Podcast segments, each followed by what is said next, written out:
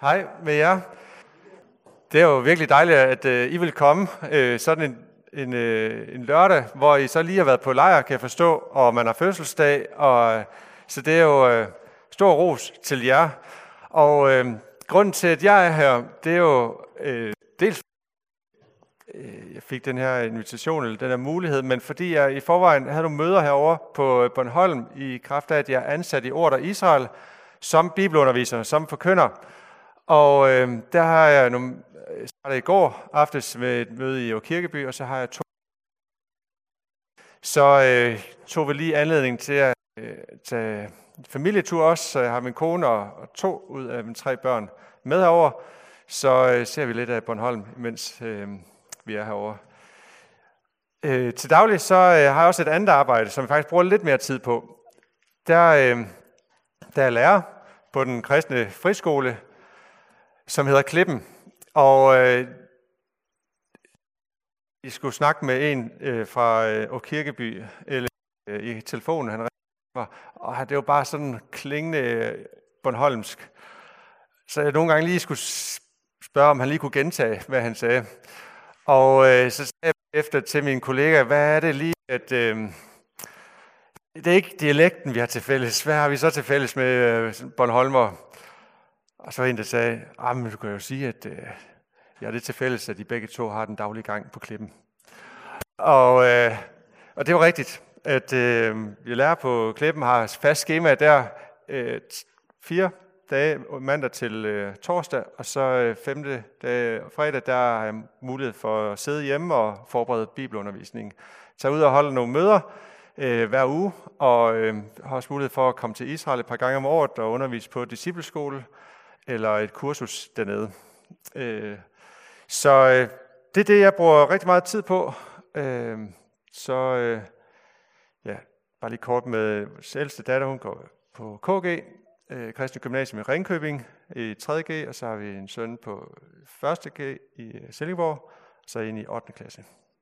Det er gået højskole, og boede i samme andelsforening, Karoline Rasmus, så vi har haft øh, rigtig meget med hinanden at gøre en gang. Nu er det ikke så meget, når de flyttede så langt væk. Ja. Det her med øh, ord og Israel, det er fordi, at øh, jeg brænder virkelig for bibelundervisning. Jeg er virkelig glad for, at I vil øh, tage Og jeg øh, synes, det vi skal have fat på i dag, det er kan man sige, to øh, sider af samme sag. Den første del, vi lige skal have fat på, det er omkring kristne jødiske rødder, jødiske baggrund. Og øh, det kan være med til at kaste lys ind over bibelske tekster. Og det hænger jo sammen med den anden del, hvor vi skal kigge på øh, nogle enkle redskaber at få mest muligt ud af bibellæsningen. Og øh, så det, det handler rigtig meget om at få nogle redskaber, nogle vinkler på øh, bibellæsningen. Og øh, det har virkelig været med til at kaste rigtig meget lys ind over min bibellæsning. Og jeg elsker bare at arbejde med øh, Bibelen, og, øh, og så synes jeg, at øh, det, der kommer så mange aha-oplevelser ved det. For eksempel ved det her billede, der er taget frem her med baggrunden, synes jeg egentlig illustrerer meget godt, at her, der kan vi jo se, hvad det foregår øh, på billedet. Der får vi ikke så meget, men vi kan se, hvad det er for noget. Vi kan se, at der er den her vej langs marken, øh, en landevej, ikke landevej, men hvad hedder sådan en grusvej, øh, markvej, og øh, vi kan se, at det er en kornmark. Vi kan se, at der er øh, skyer, og øh, der er lidt bebyggelse i baggrunden. Det kan vi sagtens se, vi kan sagtens forstå, hvad det er på billedet. Og der er det, øh, hvad kan det jødiske baggrund? For mig at se, så er det det samme billede, vi har med at gøre, men det er som, at det lige kan kaste nogle farver ind over det, så det bliver en anden oplevelse at se det samme billede. Og øh, det er ikke for at sige, at alle, der, bare, øh, der ikke har sådan den der vinkel med, det er bare gråt og hvidt det hele for dem. Det er det jo ikke. Det er jo stadig liv, øh, det som vi kan få fra, fra Guds ord. Men for mig at se, så er det nogle ting, der lige kan kaste noget lys ind over det, øh, og andre farver ind over det. Og bare et eksempel, eller der er flere eksempler på nogle af de ting, jeg vil tage fat på. Vi prøver bare lige at tage sådan øh, Jesu liv øh, og nogle nedslag i hans liv. Og, øh, men vi skal starte i det gamle testamente. Øh, der skal vi se over i, øh, i Anmos bog, kapitel øh, 24. Fordi det er med til at lægge op til en gåde. En gåde, øh, som øh, jøder også har Overskriften her på Sinai bjerg. Og øh, fra vers 9, så står det sådan her. Moses gik op sammen med Aaron, Nadab og Abihu og 70 af Israels ældste. Og så står det her. Og de så Israels Gud. Under hans fødder var det som en, et flisegulv af safir, så rent og klart som himlen selv. Disse fornemme israelitter lagde han ikke hånd på. Og så står der, de skuede Gud og spiste og drak. Altså vi har Moses og 70 af Israels ældste. De går op til Herren på Sinai bjerg, og der, det kan de jo se Herren. De spiser med ham, de har måltidsfællesskab med ham. Det var lidt underligt, fordi hvis vi lige bladrer lige over til kapitel 33,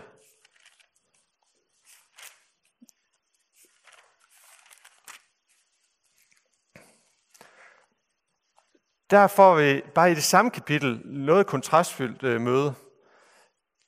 Her i starten, kapitel 33, vers øh, 11, det er lidt det samme, som vi lige har set, at i Moses og de 70 ældste, de øh, oplevede.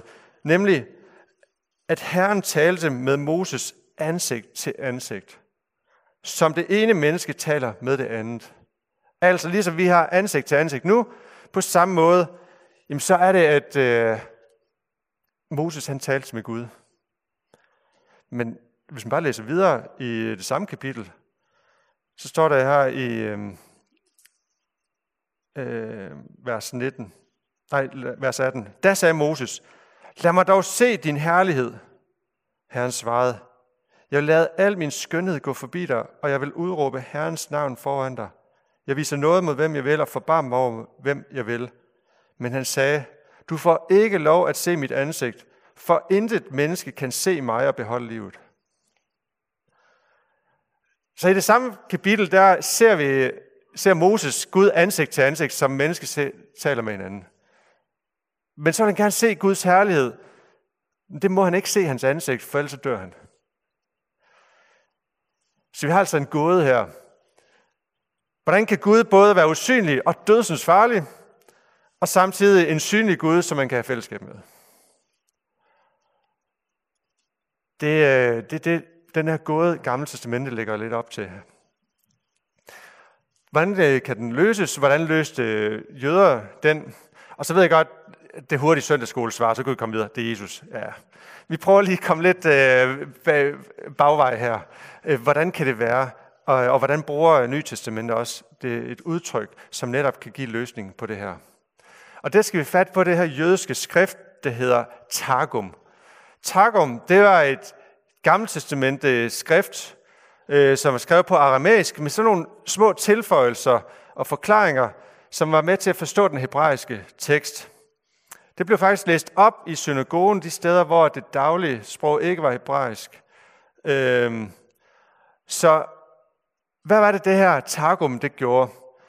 Jo, øhm, med udgangspunkt i det gamle testamentlige tekster, for eksempel salme 107, hvor der står, Gud, han sender sit ord. Salme 107, det er faktisk et af de her steder, som øh, har været stor aha-oplevelse for mig. Jeg har lige arbejdet en del med salmernes bog, og finder ud af, at salmernes bog, det er ikke bare en, en bunke individuelle salmer, sådan øh, sat lidt tilfældigt sammen. Der er en redaktør, som nøje har udvalgt de her salmer i den rigtige rækkefølge. Og øh, salme 107, det handler om, hvordan at Israels folk skal vende tilbage fra et eksil, som de har været i over mange, mange år, og som har haft svært i det her eksil. Men undervejs så sender Gud sit ord til helbredelse og forløsning. Hvad er det for et ord, som øh, Gud han sender? I Isaias bog, der står der også, Guds ord vender ikke virkningsløst tilbage. Og det vidste de øh, øh, lærte, rabinerne. Der er noget med Gud, han sender sit ord. Han virker igennem sit ord i Gamle Testamente, eller det vi kalder det Gamle Testamente, kalder det Tanakh, øh, øh, udtryk for, øh, for hele øh, øh bøgerne, øh, Moseloven, øh, visdomsbøgerne og profetiske bøger.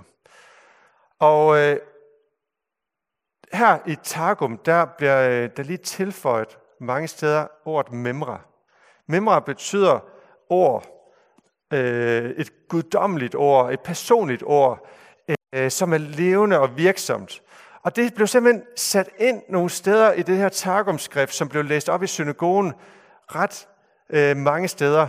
Alle de steder, hvor Gud og mennesker kommer i kontakt med hinanden. Og her kommer lige en række eksempler på det.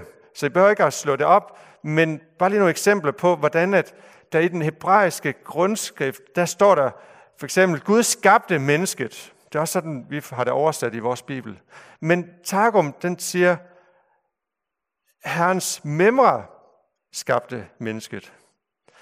Eller der står, Abraham troede Herren, så bliver lige tilføjet, Abraham troede på memra fra Herren. Det her ord fra Herren. Hvis Gud, ikke er, hvis Gud er med mig, så skal Herren være min Gud, står det i første Mosebog. I Targum står det, hvis Guds memra, Guds ord er med mig, så skal Guds ord være min Gud. Eller Guds memra. Gud talte alle disse ord. Guds memra talte alle disse ord. Der vil jeg åbenbare mig for dig, siger Gud. Eller så bliver jeg lige tilføjet, der vil jeg åbenbare mit memre for dig. Herren, jeres Gud, som går foran, jeg vil selv føre krig for jer. I Targum står det, Herren, jeres Gud, som går foran jer, hans memre, hans ord vil føre krig for jer. Herrens frelse, Herren, Israel frelses ved Herren. I Targum står det, Israel frelses ved Herrens memre. Prøv lige at forestille jer, at dagligt, der blev det læst op af den her, øh, øh, det her gammeltestamentlige skrift, med de her få tilføjelser rundt omkring, øh, om den vandrende, den talende, den skabende, den ophøjede memre, som netop var Jakobs Gud. Se, så hvis I bladrer over i Johannes evangeliet kapitel 1, hvor vi lige starter Jesu liv, så er det som, det bliver utrolig jødisk. Og det kaster over, lys over, hvorfor er det, at at øh, Johannes han betegner Jesus som ordet.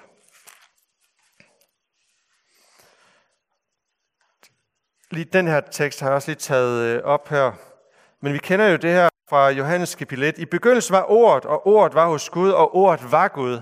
Altså, hvad var, hvad var det belæg, han har for at skrive det? Jo, allerede bare i grundskriften, øh, det hebraiske tekst, der ved vi, Gud han sender sit ord. Og bare ud, alene ud fra det kunne han jo godt have sagt, jamen nu kom det ord og blev kød i blandt os. Så man behøvede i den forstand ikke Targum til det. Men Targum er med til lige at kaste endnu mere lys ind over, at det var en almindelig forståelse for rigtig mange, at det her ord, det var bare levende og virksom. Det her mødested mellem Gud og mennesker, nu får det kød og blod. Og det er det ord, som øh, blev, øh, som blev kød og tog bolig i blandt os. Og så hvis vi prøver lige at sætte ordet memre ind i den her jød, øh, første øh, Johannes evangelie, så står der, i begyndelsen var memre, og memre var hos Gud, og memre var Gud. Han var begyndelsen hos Gud, og blev, alt blev til ved ham, og uden ham blev intet til af det, som er. I ham var liv, og livet var menneskers lys. Og vers 14. Og memre blev kød og tabernaklet, det her toboli, det er udtryk fra, øh, om tabernaklet, det her bolig, i, i, vi ser i gamle testamente, telhelligdom, som netop var midt i blandt folket, hvor hele folket var øh, i kreds omkring det her telt. Der midt i blandt folket, der tabernaklet det her memra, der bo, øh, tog bolig i blandt os. Og vi så hans herlighed, en herlighed, som den enborne har den for faderen, fuld af noget og sandhed. Står det der, ingen har nogensinde set Gud, den enbornes, som selv er Gud og som er i faderens favn. Han er blevet hans tolk. Så her, der synes jeg, at øh, den jødiske baggrund lige kan være med til at kaste lys ind over, hvordan er det, at ordet skal forstås. Jamen det er det her tolk, det her bindeled mellem Gud og mennesker. Der hvor man ikke kan se Gud, men alligevel have fællesskab med ham. Og det ser vi faktisk også i Nytestamentet, at der står det her med, at ingen har set Gud som her, men samtidig, den, der har set mig, siger Jesus, har set faderen. Han er det her mødested mellem Gud og mennesker. Lad os prøve at gå lidt videre, for nu er han ikke bare kommet til os født, men øh, gået i gang med sin tjeneste. Og det han gjorde, det var jo, at han forkyndte omvendelse, prædike Guds rige og helbredte mennesker. Og det gjorde, at øh, rygtet det er jo virkelig begyndt at sive mange steder.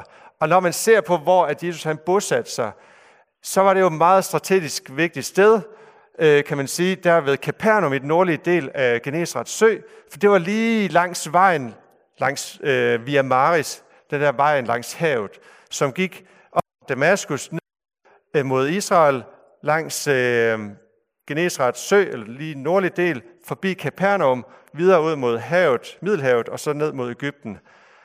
Der var masser af handel, masser af trafik, masser af øh, øh, tollere også, som skulle øh, inddrage skatter til, øh, til øh, herskerne.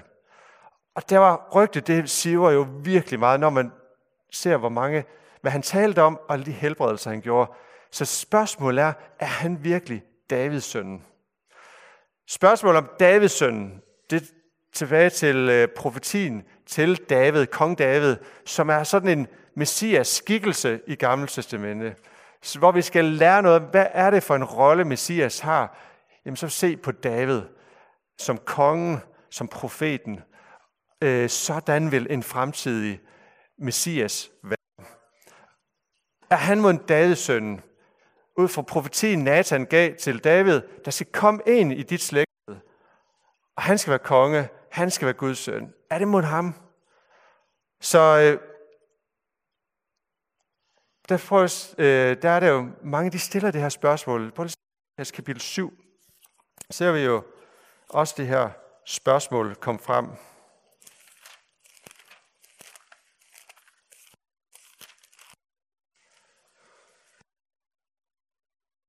Vi har lige haft øh, den her opvækkelse af enkens søn i Nein øh, i kapitel 7, vers øh, 11-17. Og så bagefter, så møder Johannes Støberen, øh, og han får alt det her at vide. Johannes fik alt dette at vide af sine disciple. Han kaldte to af dem til sig og sendte dem til Herren for at spørge, er du den, som kommer, eller skal vi vente en anden? Da mændene var nået frem til Jesus, sagde de, Johannes Støber har sendt os til dig for at spørge, er du den, som kommer, eller skal vi vente en anden? Jesus havde netop helbredt mange mennesker for sygdomme, lidelser og under ånder, og mange blinde havde han gjort givet synet. Og han svarede dem, Gå hen og fortæl Johannes, hvad jeg har set og hørt. Blinde ser, lamme går, spedalske bliver rene, og døve hører, døde står op, og evangeliet forkyndes for fattige. Og særlig er den, der ikke forarves på mig. Jeg ved ikke hvordan, men øh, i dag i nogle øh, kristne kreds, så vil det være det her, du skal bare tro. Du skal bare tro. Og det kunne jo være øh, det fromme svar, Jesus han har givet. Er du virkelig den, som øh, skulle komme? Er, du, er det ham, der taler om fra det, vi kender som et gammelt testamente? Og så kunne Jesus bare have sagt, ja, du skal bare tro. Det gør Jesus ikke. Han peger i stedet for, hvad han har gjort. Eller hvad der sker omkring ham. Og der peger han jo nærmest øh, netop på en masse helbredelser. Hvad ser du? Jamen, du ser jo lamme øh, komme til at gå, blinde blive seende. Der sker simpelthen øh, monoddrivelse osv. Hvorfor peges på, på det her? Det gør det jo fordi, at den her forventning om, at Messias, at der bliver knyttet en masse helbredelse til ham. Blandt andet Isaias 35, 5-6, men også 53, som vi nok er det mest kendte sted, hvor at uh, stå, står beskrevet uh, Jesu lidelse. Meget, meget tydeligt. Et skrift, som i øvrigt i jødisk sammenhæng ikke bliver læst i synagogen, fordi den minder alt for meget om det, kristne taler om. Så den springer man lige over i øh, den årlige læsning. Men det er jo der, Isaias 53 er simpelthen så vigtigt et kapitel. Og der står der, vi blev helbredt ved hans sår. Det var engang i jødisk sammenhæng en klar messias forventning, altså en konkret person, men, tag, men øh, forstod det sådan, fortolkede det sådan, at messias skal komme, og han skal helbrede. Så den her helbredende gerning, den er væsentlig i Jesus, Jesu liv, fordi den knytter sig til Messias. Hvis ikke han helbredte, så vil han ikke opfylde den forventning, som var omkring øh, Messias rolle. Og et af de her øh, begivenheder kan vi for eksempel læse i kapitel øh, 8 i Lukas evangeliet. Vi bladrer lige over på den næste side her. Fordi her har vi den her beretning om kvinden, som griber fat i noget hos øh, Jesus. Og øh,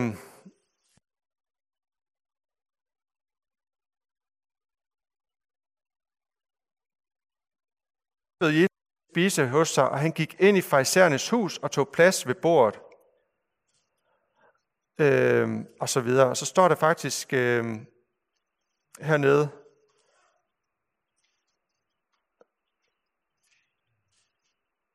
Nej, nu er det... Øh, det var simpelthen Lukas. Det var det forkert. Det var også en kvinde. Det var... Nu skal jeg lige bladre helt over i kapitel 40. Eller vers 40. Ja, undskyld. Øhm, da Jesus kom tilbage, tog skaren imod ham, for alle havde ventet på ham.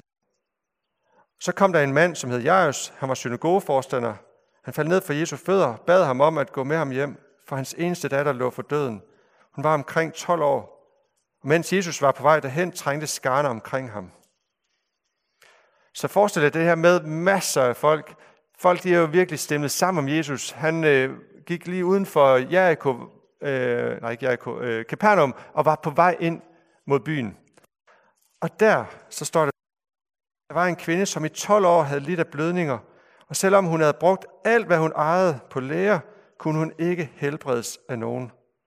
Hun nærmede sig Jesus bagfra og rørte ved kvasten på hans kappe, og straks ophørte hendes blødninger. Jesus sagde, hvem var det, der rørte ved mig? Der ingen ville være ved det, sagde Peter. Mester, folk trænges jo om dig, og de skubber. Men Jesus sagde, der var en, som rørte ved mig, for jeg mærkede, at der udgik en kraft fra mig.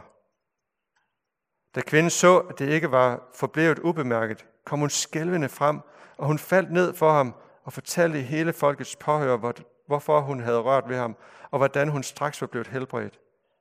Han sagde til hende, datter, din tro har frelst dig, gå bort med fred.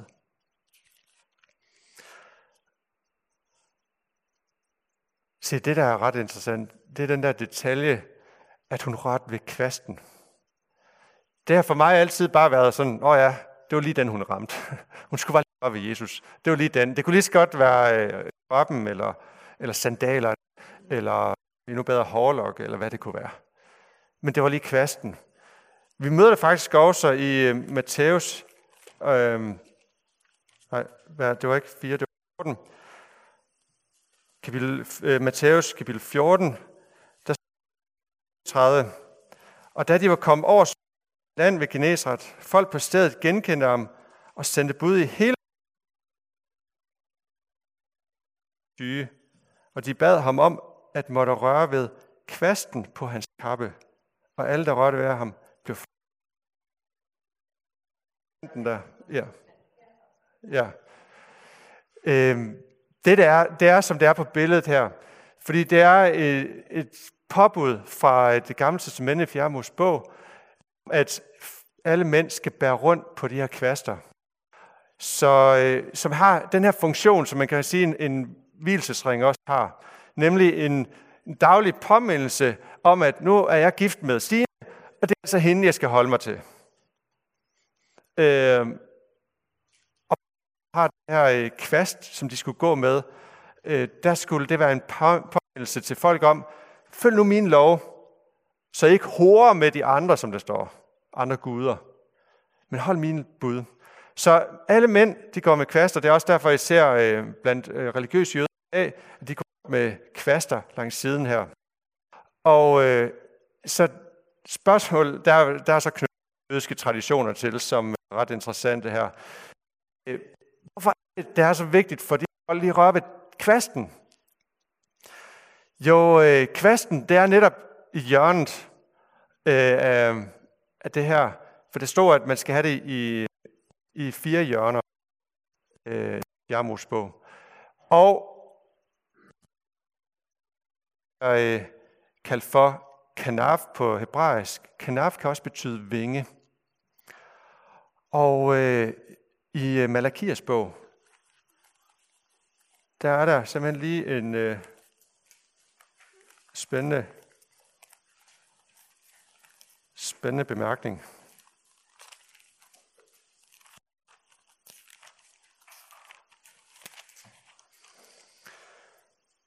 Der er den messianske afsnit, hvor der blandt andet står sådan her i kapitel 3 i Malakias bog, om fremtiden, hvor at, øh, det står i vers 20,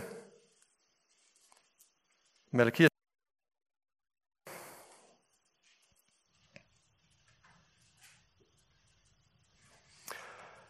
Der står det sådan her. Ja, der frem under dens vinger, eller under dens kanav, er der helbredelse. I skal komme ud og springe omkring som fede kalve. Det her, altså, han rører ved lige præcis kvasten, som ligger lige ned under hjørnet, øh, kanaf, det her vinge her, der er der en kvast, lige under den, der er der, der er der helbredelse. Jeg tror, det er derfor mange, de vil bare lige, kan ikke bare lige røre ved kvasten, så det var ikke sådan et ønske om, må ikke bare lige snørbånd, bare, så er det okay, ikke mere. Jeg skal ikke lade være med at omfavne dig, bare lige snørbånd. Det er ikke sådan et udtryk. Nej, deri, der ligger der faktisk, hey, er du den, som skulle komme? Er du, han, det er ham, der er talt om i Malakias. Det er ham, helbredelse der. Og det er derfor, at Jesus siger, der udgik en kraft fra mig, for der er helbredelse under vingen. Og den her, så siger han til den her kvinde, din tro har frelst dig. Fordi det her, det er jo ikke bare en kvinde, der selvfølgelig vil være øh, helbredt for hendes sygdom. Hun bare lidt under i mange år. Men det er jo mere end det. Den her kvinde viser faktisk også, at jeg tror faktisk, du er mere end bare lige en, der kan helbrede. Du er den, som øh, retfærdighedens sol, der skulle komme. Så øh, Jesus han var meget optaget af de her mennesker, som var så optaget af hans kvast. Fordi de var faktisk mere optaget af, så de her på ham som Messias. En anden ting omkring Jesu helbredelser, øh, det er hans forhold til de spedalske. Jerusalem på Jesu tid så nogenlunde sådan her ud. Øh, vi har øh, her på østsiden Kedrondalen og på sydsiden Hinnomsdal. Og øh, her er et eksempel på, hvordan typografien, altså højene og dalene, de kan være med til at kaste lys ind over den bibelske tekster. Øhm, for eksempel, Kedrondalen, den bliver også kaldt for Josefats dal. Og i øh, Jols bog, der er øh, det udtryk for, at Gud han skal samle verdens folkeslag og dømme dem for, hvad de har gjort mod hans folk i Israel. Det skal han samle dem i Josefats dal og fælde dom der. Så det er dommensdal. Hinnomsdal, hvad er det, den bliver brugt til? Og hvad er det, selve Jerusalem bliver brugt til? Her har vi simpelthen typografien, som i Bibelen bliver brugt til særligt budskab.